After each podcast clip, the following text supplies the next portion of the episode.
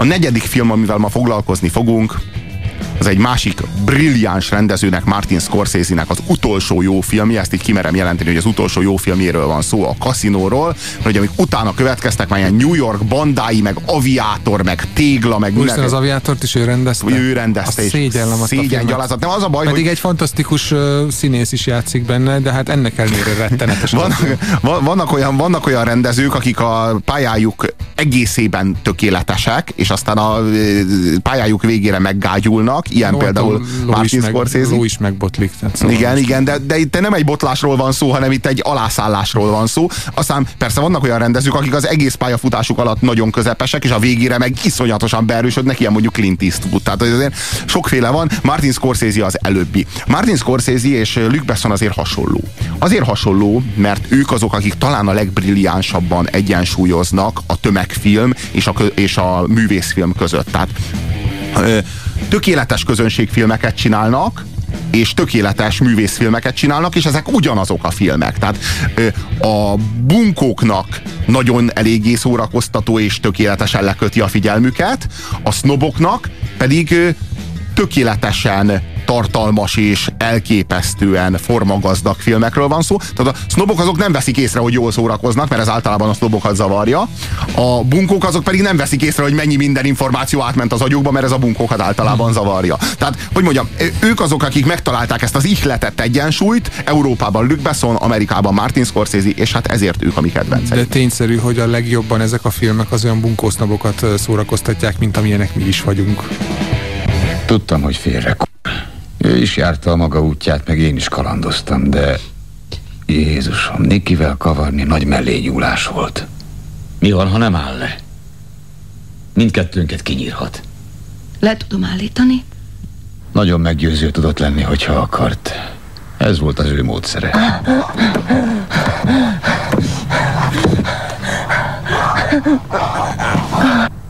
Hey, Ginger, ne feledd, ha rákérdez, Tudod, ha faggatózik, tagadj mindent. Megértetted? Vigyáznod kell, nem hülye, tudod? Hallod, amit mondok, ugye? Tudom, nem kell mondanod. Szerinted hülye vagyok? Szerintem hülye vagy-e? Nem, szerintem gyönyörű vagy. De most mennem kell. Ekkor Niki már úgy elkurta a dolgokat az utcán, hogy valahányszor Marino hazament, egyre kisebb csomagokat vitt. Ez odáig ment, hogy már nem tudta, amikor belép. Akkor megölelik-e, vagy megölik? Frankie, hm? kérdezni akarok valamit. Magánügy. De az igazat akarom hallani. Mindig az igazat mondom, Rébo. Frankie, a kiskrapek ugye nem dugja a zsidó feleségét? Mert ha igen, az probléma. Mit mondhattam volna? Tudtam, ha rossz választ adok, akkor Nicky, Ginger, ász, mint holtam végzik. Mert ezeknek az öregeknek van egy hepjük. Nem szeretik, ha bárki a más nejét kúrja. Árt az üzletnek. Úgyhogy hazudtam. Még akkor is, ha tudtam, ha Gadzsinak hazudok, én is könnyen a föld alatt végzem. Nem. Semmi ilyesmiről nem tudok. Ez biztos? Teljesen. A kedves SMS író azt írja nekünk, harsányi frenetikus. Most itt nem hallhattátok őt. Egyelőre. Egyelőre. Harsányi az Niki Santorónak, vagyis hát Joe Pesci-nek a magyar hangja. Tényleg frenetikus. Hát, tényleg, de ahogy Joe Pesci maga is frenetikus, tehát önmagában is de az... nem, ne, és ez azért is egy különleges film, mert itt ez az a film, ahol ö, ö, több narrátor van, tehát legalább, legalább három vagy négy narrátor narrálja, tehát tulajdonképpen bármelyik szereplő megszólalhat, mint narrátor, és így elkezd monologizálni, persze nem a jelen helyzetben, hanem így a film alatt. Tehát Folyamatosan közben... egyébként egymást kritizálják a narrátorok, tehát hogy mindig, mindig a másik szúrta el, azt csinált valamit rosszul. Mondjuk ők nem az elszúrni kifejezést használják, hanem sokkal inkább, ahogy a miniszterelnök szokta mondani, tehát így erre a filmre igaz az, hogy három óra és tömény káromkodás, olyan szinten sokat káromkodnak benne, hogy az valami elképesztő. Ahogyan a Scorsese bizonyos filmjeiben, főleg a gangster filmjeiben megszokhattátok.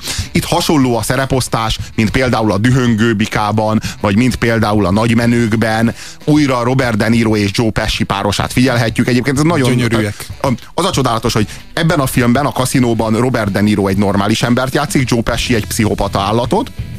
A a, ezzel szemben fordítva van a, a dühöngő bikában, ahol Joe Pesci játszik egy normális figurát, és Robert De Niro egy pszichopata állatot, és viszont ott, van, viszont ott van a, a, a az imént említett film, a nagymenők, ahol mind a ketten pszichopata állatot játszanak. De... de mind a ketten mind a két szerepet tökéletesen el tudják játszani, zseniális színészek, és nem tudom megmondani, hogy melyikük játszik jobban, Joe Pesci vagy Robert De Niro, és akkor hozzátenném, hogy Sharon Stone meg aztán über durva, amit előad, tehát az a, az a ahogy itt tényleg az ünnepelt szépségből egy ilyen lepattant gyógyszeres kokainista, alkoholista, alkoholista iszonyú, iszonyú jól adja elő őrületesen jók benne a színészek, komolyan. Jó, Tehát, de, hogy ezt, de, nem lehet, ezt nem lehet egy, egy-két szóval elintézni, sajnos ezt egy fél óráig kéne taglalni, de hát nem lehet. De hát, ez a, de hát ez a hatalmas, amikor a színészeknek, akik már eljátszották egymást, azt mondod, hogy akkor most cseréljetek szerepet, és szintén tökéletesek lesznek. Nem? Hát Niki Santoro, a Joe Pesci az olyan őrült, de olyan őrült, olyan azt nem, tud, azt nem lehet elképzelni, tehát hogy a csávó tényleg olyan, mint a Trainspottingban Bagby, hogy így egy, egy szóra bekattan és vége. Hát de, és az, az, az a félelmetes, hogy az a csávó az, aki mindent megérdemel. Tehát megérdemli, hogy hatszor halljon meg. Hát ahogy de, meghal, az egyébként annyira durva, de a végén, azt ahogy meghal, De a végén, ahogy meghal, még sajnálod. Tehát, hogy az a durva, először is megölik a szemed láttára az öcsédet, csak hogy végignézed... De nem megölik, baseballütővel puhára verik. Tehát de ez... úgy, hogy minden csontját eltörik, és utána meg veled csinálják végig ugyanezt, csak az előtte végignézetik az öcsédet, hogy hogyan, hogyan csinálják ki, csak hogy lássad, hogy mi vár rá 10 perc múlva. És a, az, az, ez, a, ez a halál kemény csávó, ez hogy megtörik. Tehát, hogy ott már sír, ott hát már zokog. Lelke, neki is hát, hogy, de nem, hogy így egyszer, egyszer csak eljutsz abba a pozícióba, amikor tudod, hogy nincs szanszod, és akkor te leszel az, akinél eltörik a mécses bizony, mert ez ilyen. és a mécses kislány.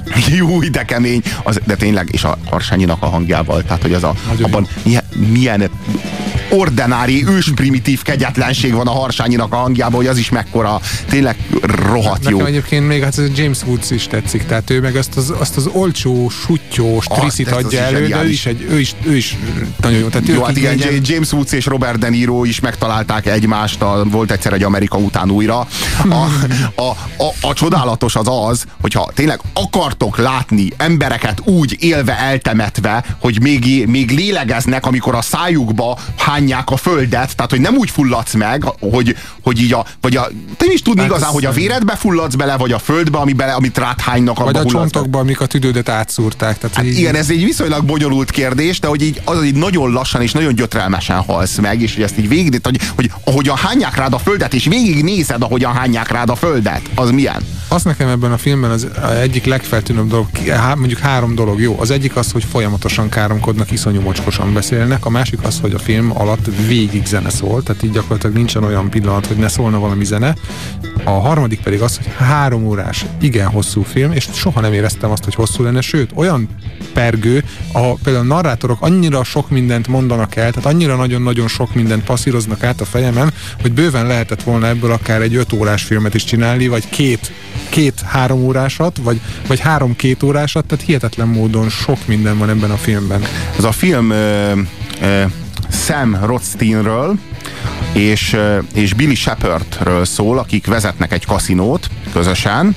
Őket Robert De Niro és Don Rickles játsza. Két zsidó csávó, akikre az olaf, olasz mafiózók rábízták ezt a kaszinót, mert egyszerűen annyira profik, és annyira értenek hozzá, és annyira szenvedélyesen ö, ö, szeretnek dolgozni, vagy hogy fogalmazok, hát, annyira lelkiismeretesen oda hogy, de hogy nagyon maximalisták, tehát tényleg a, a kaszinónak az igazgatója arra is odafigyel, hogy a muffinban mindegyikben pontosan ugyanannyi áfonya, szem áfonya legyen, tehát így abszolút az, az elsőtől az utolsó csavarig mindent ellenőriz a gépezetben. Jó kifejezés a csavar, és még sokkal jobb kifejezés a kalapács, amely előkerül a filmnek a során, vagy még talán sokkal jobb kifejezés a fűrész, olyan, mintha egy ilyen szerszámos ö, ö, ládát nyitottunk volna föl akkor, amikor az üzleti ügyeiket intézik ezek a srácok. Kiderült, hogy a faszi a cimboráival már évek óta fosztogat minket. Hé, hé, hé, El van drótozva. Az asztalra! Ez jár Azt akartam, hogy mindenki tudja, új szerepfőnök. Meg kellett mutatni a fejeknek, hogy vége a bulinak. Érdekelne valami. Láttam, hogy jobb kézzel bűvölöd a zsetont. Megy a másikkal is? Ö, nem. Két kézzel nem megy? Ö, nem, uram. Szóval ballal nem megy? Hát még nem próbáltam. Jobbkezes vagy? Ö, igen. No! Most majd meg kell tanulnod ballal. Választási lehetőséget kapsz. Vagy a pénz és a kalapács, vagy lelépsz innen. Mindkettő nem megy. Melyik legyen? Inkább lelépnék. És mondd meg a haverjaidnak, mit kapnak a geciznek. Világos? Világos? Sajnálom, hülye voltam. De még mennyire, hogy hülye voltál. Mert ha még egyszer elkapom akármelyiket, szétverem a fejét, és nem ússza meg. Látod a fűrészt? Használni fogjuk, velünk nem szarozhattok.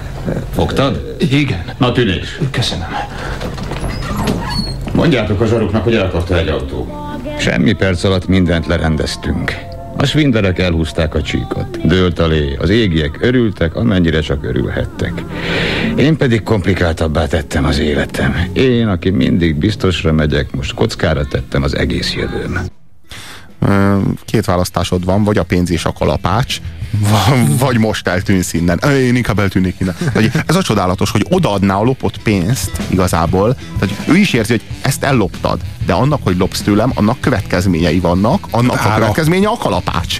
Tehát a pénz és a kalapács, vagy egyik sem, és akkor te hálás vagy nekem, mert visszavettem a pénzt, és nincs kalapács. De egyébként ebből a szempontból még egész korrekt. És Nem, az, az abszolút, igazság- nem, az, nem az a durva, hogy a film egyetlen olyan szereplője, Sam Rothstein, az ász, aki egy bukiból lett kaszinó, tulaj, kaszinó ö, igazgató, aki korrekt. Ez a csávó, ez korrekt a végsőkig. Nem gyilkos, nem mafiózó, nem bűnöző. Tulajdonképpen ő törvényesen akarja vezetni ezt a kaszinót, és persze nyilván eléggé autoritár ahhoz, hogy hozzon olyan döntéseket, amikor például az valamelyik állami tisztviselőnek a fiát azt kirúgja, mert gyanús ügybe. Következetes, mert, mert hát rosszul végezte a munkáját, végtelenül tehetséges, és csak azért, mert XY valami körzeti megbízott neki a nagybátyja, azért ő még nem maradhat ott. Tehát így egyébként ez is okozza részben a vesztét a főhősünknek, hogy hogy azért nem vette észre, amit el is mond neki ott valamelyik ilyen nagy kabolycsizmás állat, hogy, hogy itt ő nem otthon van, tehát ez nem New York, ez Las Vegas, ott ez a konkrétan sivatag. zsidózik, tehát ott konkrétan kőkeményen. zsidózik a csávó, tehát nem otthon van is, hogy vigyázzon magára, mert itt nem a te szab, nem a ti nem a, nem a maguk fajták. Igen, igen. Ez, mintha csak maga Morvai Krisztina mondta volna. Mielőtt kaszinót vezettem volna, és mielőtt felrobbantottak, Ász Rothstein volt a tippek királya, e felől semmi kétség. Annyira jó voltam, hogyha fogadtam, az megváltoztatta a téteket az összes bukinál az országban. Nem vicc, olyan profin nyomtam, hogy enyém lett a mennyország. Rám bízták Las Vegas egyik legnagyobb kaszinóját, a Tangiers-t. A megbízóim olyan fickók voltak, akik le tudtak tenni ennyi zsetont, 62 millió 700 ezer dollárt. De a részleteket nem ismerem. Ami azt illeti, senki sem ismerte a részleteket. De jól összehozták. Ott voltam én, Niki Santoro, a legjobb barátja, hogy ügyeljek rá. És ott volt neki Ginger, a nő, akit szeretett. De végül mindent elbasztunk. Annyira szép lett volna. De aztán ez lett az utolsó, hogy magunkfajta kispályásokra ilyen kurva nagy értéket bíztak.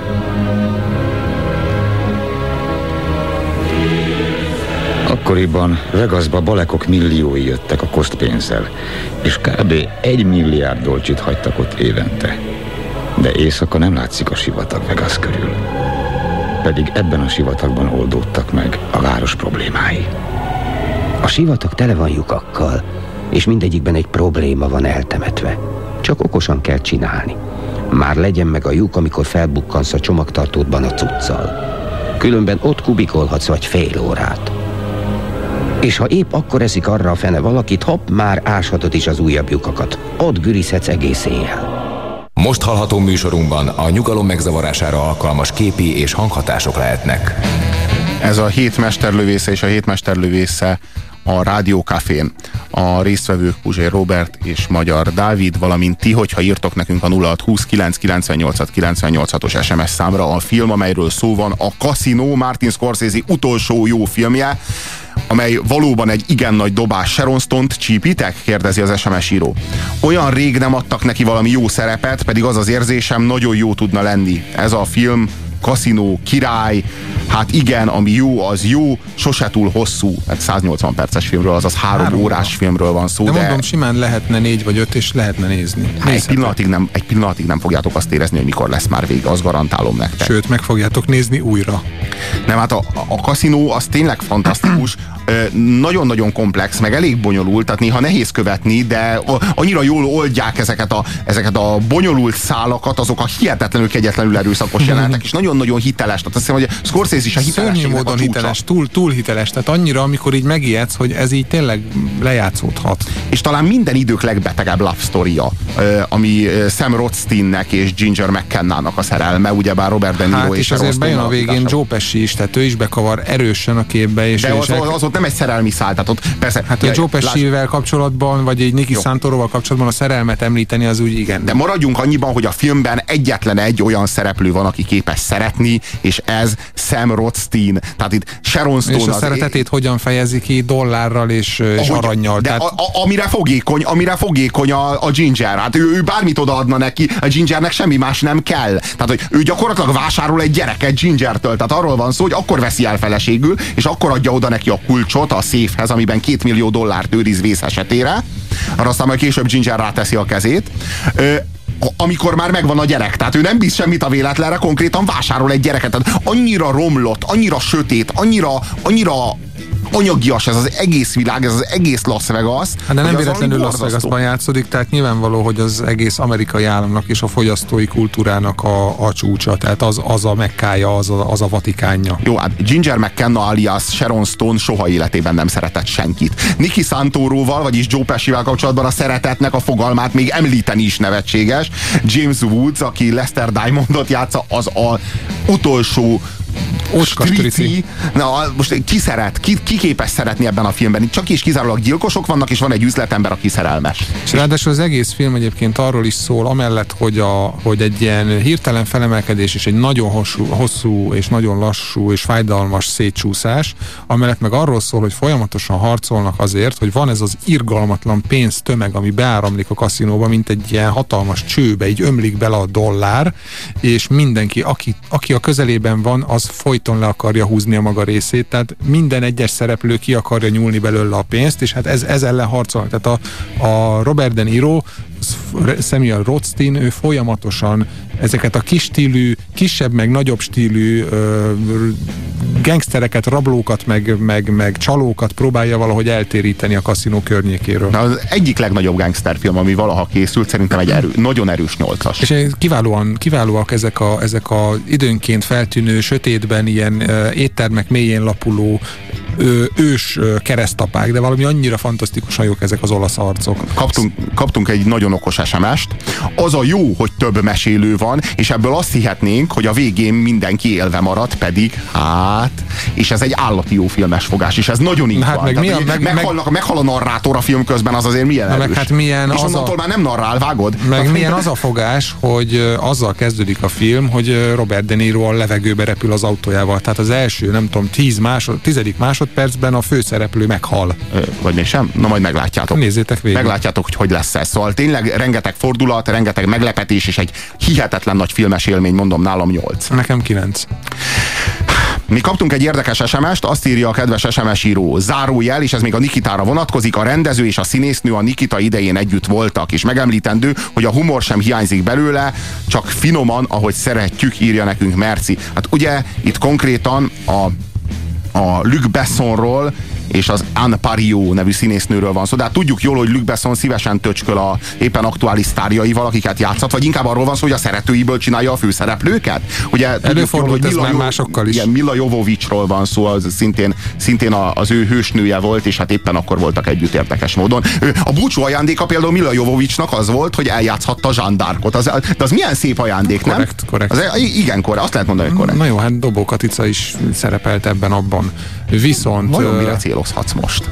Hát nem, nem biztos, hogy francia rendezőre. E, Viszont amit szeretnék tőletek kérni, és esküdjetek meg, kérem, tartsátok fel a, a kezeteket, tegyétek a másikat a szívetekre, hogy nem nézitek meg a Nikitának a remékjét, az amerikai változatot, a bérgyilkos nőt. Azt semmiképpen ne nézzétek meg, és ne tévesszem meg titeket, hogy játszik benne a kiváló Harvey Keitel, attól az a film még borzalmas, és azt gondolom, hogy rossz filmnél csak jó film rossz remékjét rosszabb megnézni. Ez volt a hét mesterlövésze, nagyon-nagyon köszönjük, hogy velünk tartottatok, Puzsér Robert és Magyar Dávid búcsúzik tőletek, legközelebb ez a műsor jövő hét szombaton lesz, mégpedig 3-tól 5-ig, ahogyan azt szoktuk. Most egy órán keresztül zenélünk, tartsatok továbbra is velünk, mi búcsúzunk. Sziasztok! A hét lövészének vége, azaz... Mr. Grabowski, ez itt a végállomás. De mondhatnák azt is, hogy... Hasta la vista, baby. Ne feledd, a hétmester lövésze még visszatér, ugyanis... Indiana, rajtunk csak átsiklik a történelem, de ez maga a történelem.